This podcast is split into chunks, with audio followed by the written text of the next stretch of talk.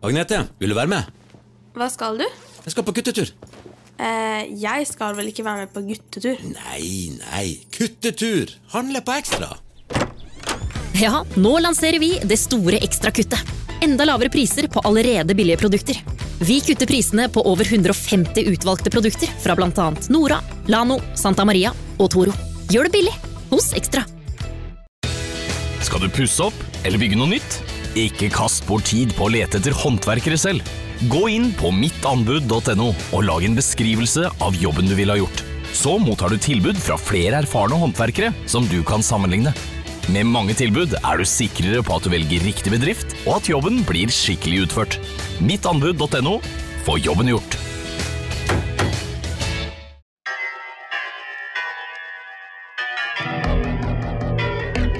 Bankfunksjonæren. Du hører på Uvirkelig fra Svarttrost. Denne historien er skrevet av forfatter Jan Erik Vik og heter Bankfunksjonæren.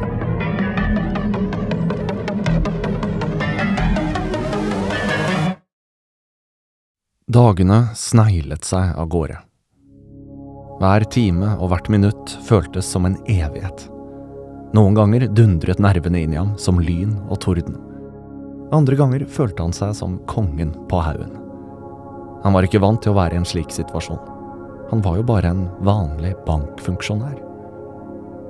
Med pekefingeren rettet han på de tykke glassene med den grove, sorte innfatningen. Brillene som gjorde øynene hans så store, og som alle hadde mobbet ham for i barndomstiden. Sittende i godstolen kikket han opp i taket. Ideen som nå kvernet døgnet rundt i hodet hans, hadde kommet kort tid etter at dommen hadde blitt rettskraftig. Fire år hadde raneren fått. Fire år for å ha ranet banken han selv jobbet i. Fire år for å ha valgt ut hans skranke i banken, og deretter truet med den svarte pistolen.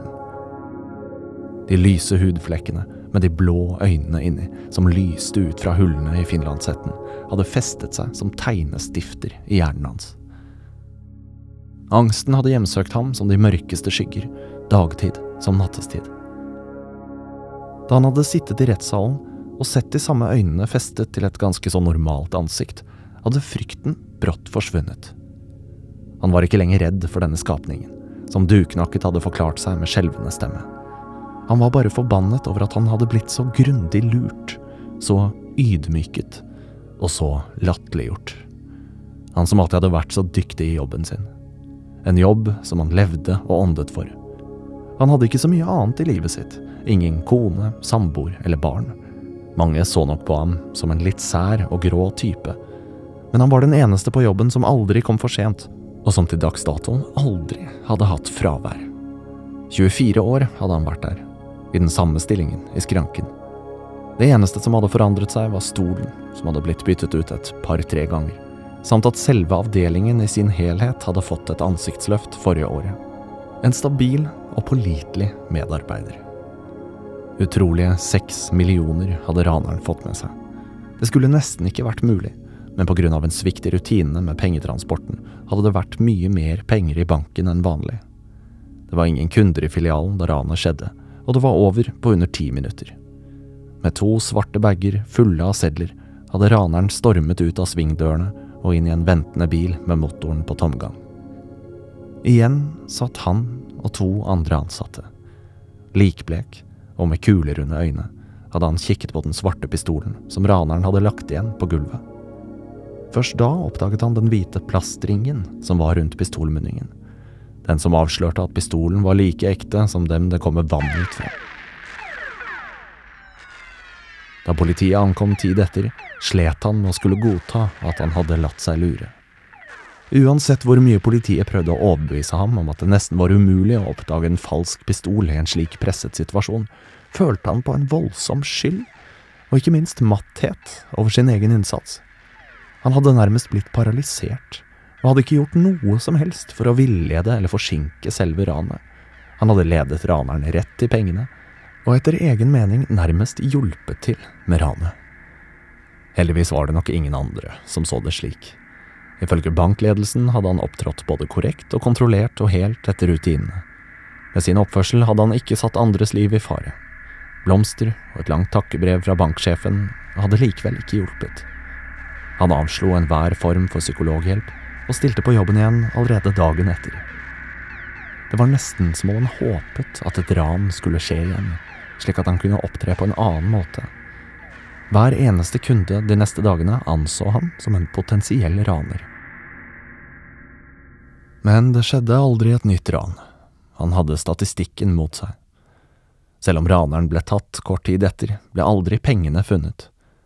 I retten innrømmet han at pengene for lengst var ute av landet. Han ble til en viss grad trodd på dette, selv om han nok måtte forberede seg på at spanerne ville følge ham tett første tiden etter løslatelse. Et utsvevende liv med flagrende penger ville nok raskt ført ham bak murene igjen. Allerede på vei ut fra rettssalen begynte den forsmådde bankfunksjonæren å tenke på dagen raneren skulle ut av fengselet igjen. Han hadde absolutt ingen tro på at pengene var forsvunnet ut av landet.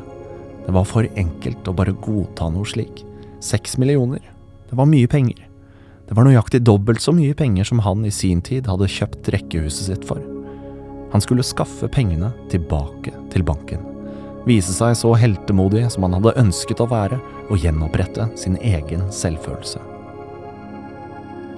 Det var også andre som så frem til at raneren skulle komme ut igjen. Den medsammensvorne var ingen ringere enn banksjefen selv. Mislykket aksjespill og et for høytsvevende liv hadde ført ham ut i en økonomisk ulykke som han nesten ikke så ende på. Et ran av sin egen bank regnet han med skulle løse de fleste problemer, samt at det var mye som skulle til for at akkurat han skulle bli mistenkt.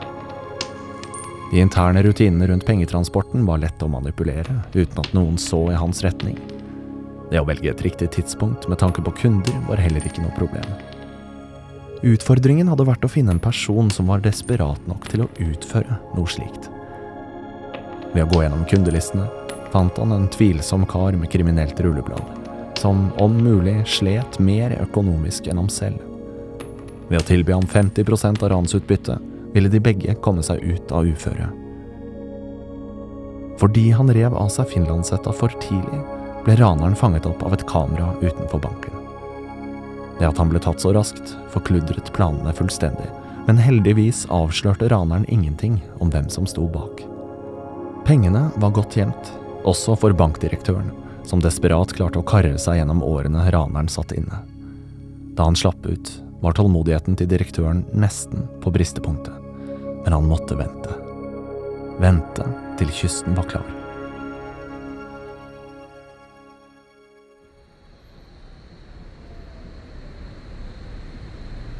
Ganske korrekt ble raneren daglig spanet på den første tiden etter løslatelse. Den kriminelle bodde i en forfallen enebolig på utsiden av byen, og holdt seg mesteparten av tiden innendørs. Han meldte seg til tilsynsføreren som han var pålagt, og gjorde ellers få krumspring. Etter noen måneder avtok politiets spaning, og etter hvert ble den avsluttet. Raneren var nå utenfor politiets søkelys, men bankfunksjonæren fulgte med. Han hadde tatt ut sin første sykemelding noensinne, og brukte tiden kun på dette hver eneste dag. Fra klokken syv om morgenen til sent på kvelden. Nesten som besatt noterte han den minste bevegelse som ble foretatt. Alt fra når lyset ble slukket, til turer i butikken. Lite mistenkelig skjedde, og bankfunksjonæren var snart klar til å gå til aksjon. Planen var å ta på seg finlandshette, bruke sin egen, ekte pistol og truer raneren til å fortelle hvor pengene var gjemt. Han kjente den tunge jernklumpen på innsiden av jakken. Den var glatt og svart. Dette var ingen falsk gønner. Nei, dette var ekte saker. Pistolen hadde han arvet etter far, som var gammel kretsmester i presisjonsskyting. Det var en pistol faren hadde skaffet seg lenge før lovene om registrering av våpen var aktuelle. Nå skulle raneren få smake sin egen medisin.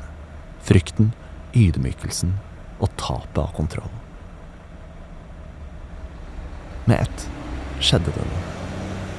En sort Mercedes med sotede vinduer kom glidende forbi huset til raneren. Den stoppet utenfor, og sekunder etter, med skyggelua godt trukket nedover ansiktet, kom raneren ut av huset og satte seg inn i bilen. Like anonymt som den kom, forsvant den i rolig tempo. Funksjonæren styrtet ned til sin vesle Fiat Punto og satte etter. Som i gamle Derrick-episoder fra 80-tallet lå han og vaket i god avstand bak dem. Det var viktig å ikke vekke oppsikt. Mercedesen kjørte ut av boligområdet og svingte deretter ut på motorveien. Etter omtrent to mil tok den av igjen og fortsatte i sakte tempo inn på en øde skogsvei. Han parkerte Fiaten og fortsatte til fots etter dem. Rundt en sving så han Mercedesen stå parkert. To menn var på vei opp ei steinur og stanset foran noe som lignet en liten hule. Det var da han oppdaget det. Oppdaget hvem raneren sto sammen med. Han var først ugjenkjennelig i det uvante antrekket han hadde kledd seg opp i, en sort hettegenser og en treningsbukse. Funksjonæren var vant til å se ham i strøkne dresser, med slips og mansjettknapper på skjorteermene. Likevel skjønte han at det var banksjefen, som nå kikket oppi de tre bagene fylt til randen med penger fra hans egen bank. Stående på god avstand bak et tre knakk den lokale bankfunksjonæren sammen i knærne. Han var likblek i ansiktet, og tårer trillet nedover kinnene. Han var lamslått og skuffet, sviktet av den personen han så mest opp til av alle. Et øyeblikk var han fullstendig rådvill. Han dro frem pistolen fra jakkelommen. Den lå godt i hånden. Han visste at han lett ville treffe det han ønsket fra denne avstanden. Var det noe han hadde lært av faren, så var det å sikte. Han sjekket vindforholdene, la hånden med pistolen i venstre håndflate og strakk hendene fremfor seg. Siktekornet skiftet frem og tilbake mellom hodene til to uvitende kjeltringer som diskuterte lavmælt i steinrøysa. De samme to som hadde ødelagt hans trygge, gode og rutinemessige hverdag. Leppene dirret idet han presset pekefingeren mot avtrekkeren. Vi lar dem ligge til i morgen, ok? Et skifte i vindretningen gjorde at han hørte stemmen til bankdirektøren tydeligere. Pekefingeren løsnet grepet. Han senket armene og kjente en varme stige i kroppen sin. Med varmen fulgte en sitrende følelse med nye tanker og ideer som han aldri tidligere kunne ha tenkt. Ideer som skulle bøte på all uroen de hadde påført ham, og samtidig kanskje endre det strømlinjeformede livet han til nå hadde levd. En skikkelig endring var det som skulle til for at han skulle komme seg videre. En endring som samtidig kunne hevne udåden til de som akkurat da dyttet bagene tilbake i hjemstedet. Bankfunksjonæren rakk akkurat å se at de tok hverandre i hånden, før han løp tilbake mot bilen sin. Han kjørte raskt av sted i motsatt retning, slik at de ikke skulle oppdage ham. En time senere var han på vei hjem med tre sorte bager i baksetet. I bytte mot pengene hadde han lagt igjen en gjenstand som pant. En gjenstand som han håpet skulle lage akkurat det kaoset som ville føre til at planen hans ble vellykket.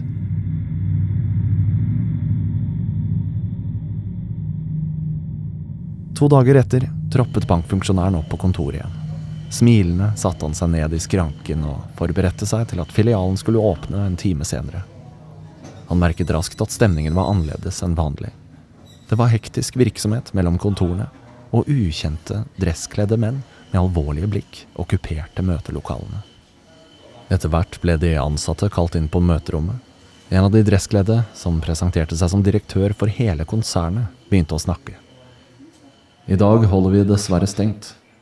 Det har skjedd tragiske ting som gjør at politiet må ha tilgang til våre systemer. Han tok seg en kort pause, og det så ut som om han lette etter ordene. Det virket som om han ønsket å gjøre informasjonen så kortfattet som mulig, og fortsatte med stivt blikk. Kort fortalt så er banksjefen deres arrestert, mistenkt for å ha drept en person. Det gikk et gisp gjennom forsamlingen. Det som er eh, spesielt her, er at den avdøde er samme personen som ranet banken for noen år siden. Banksjefen har selv fortalt at han jaktet på pengene som ble frastjålet, og at han derfor fulgte raneren til et steinbrudd utenfor byen. Det som deretter har skjedd, er uklart, men et skudd er avfyrt, og raneren er drept. Pistolen er ikke registrert noen steder, men dessverre er det fingeravtrykkene til banksjefen som er på avtrekkeren. Det ble stille en lang stund, før han igjen fortsatte. Som dere sikkert forstår, vil ikke han lenger være deres leder. Setningen ble hengende som en mann i galgen, og ga alle muligheten til å velge selv hva de trodde på. Hvorfor drev en banksjef med egen etterforskning etter penger som for lengst var erstattet? Var det for egen vinning, eller kun for at han hadde følt seg lurt? Diskusjoner som dette florerte i gangen etterpå. Noen likte sjefen, andre mislikte ham, og dette var naturligvis med på å forme deres meninger. Bankfunksjonæren visste godt hva som hadde skjedd, og munnviken trakk seg utover ettersom den ene teorien etter den andre utspant seg. Da han hadde lagt fra seg pistolen på gjemmestedet, visste han at den som fant den først, ville anklage den andre for å ha tatt pengene som var borte. Det var nødt til å bli en blodig konflikt. Den som ville finne pistolen, ville straks innbille seg at den var lagt klar for å ta livet av den andre. Planen var ufeilbarlig i hans øyne. Det hadde uansett ikke betydd noe hvem som hadde blitt tatt av dage. Begge ville uansett forsvinne ut av hans liv på den ene eller den andre måten. Du da, Jensen, hva tror du? En av de kvinnelige ansatte på hans egen alder kikket på ham. Hun var enslig, hun også, og var en kollega han stadig hadde tittet på i smug. Nei, hva kan man si om en slik sak, dette er jo slikt man bare ser på Detektimen. Han sa ikke mer, bare ristet forsiktig på hodet, slik han pleide i samtaler med andre. Kanskje like greit at den kjeltringen som ødela så mye for deg, forsvant. Det kan jo ikke ha vært lett for deg heller, dette. Hun smilte barmhjertig mot ham. Men jeg må jo si at det ser ut som om du har det bedre. Er det ikke en ny skjorte du har på deg i dag? Og nye, moteriktige briller? Du er jo… Du er nesten som en ny person. Hun kikket beundrende på ham, og han nikket, litt sjenert tilbake. Takk for det. Jeg har akkurat arvet en gammel tante fra Amerika, ser du så jeg har plutselig fått en del mer å rutte med. Han løftet blikket igjen og smilte til henne med en plutselig nyvunnet selvtillit. Jeg eh, kunne kanskje få spandere middag på deg en dag?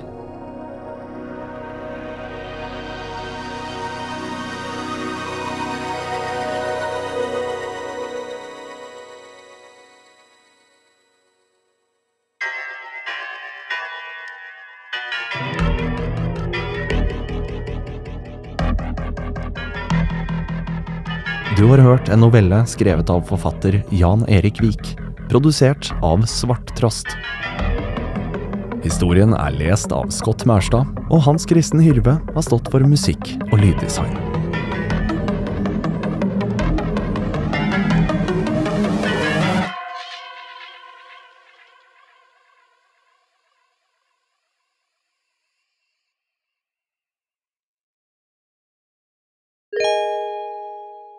Har du et enkeltpersonforetak eller en liten bedrift? Da tenker du kanskje at regnskapet bør være så enkelt som mulig? Vi i Fiken syns også det. Derfor har vi laget regnskapsprogrammet som scorer best på brukervennlighet. Det viser en undersøkelse gjort av Opinion blant små bedrifter. Gjør som over 70 000 andre, ta regnskapet selv med Fiken. Prøv gratis på fiken.no. Driver du en liten bedrift? Da tenker du sikkert at dette er en reklame for fiken. Men det er det ikke, for vi er Folio. Folio er en banktjeneste for bedrifter, og vi er fikenbrukerne sin absolutte favoritt.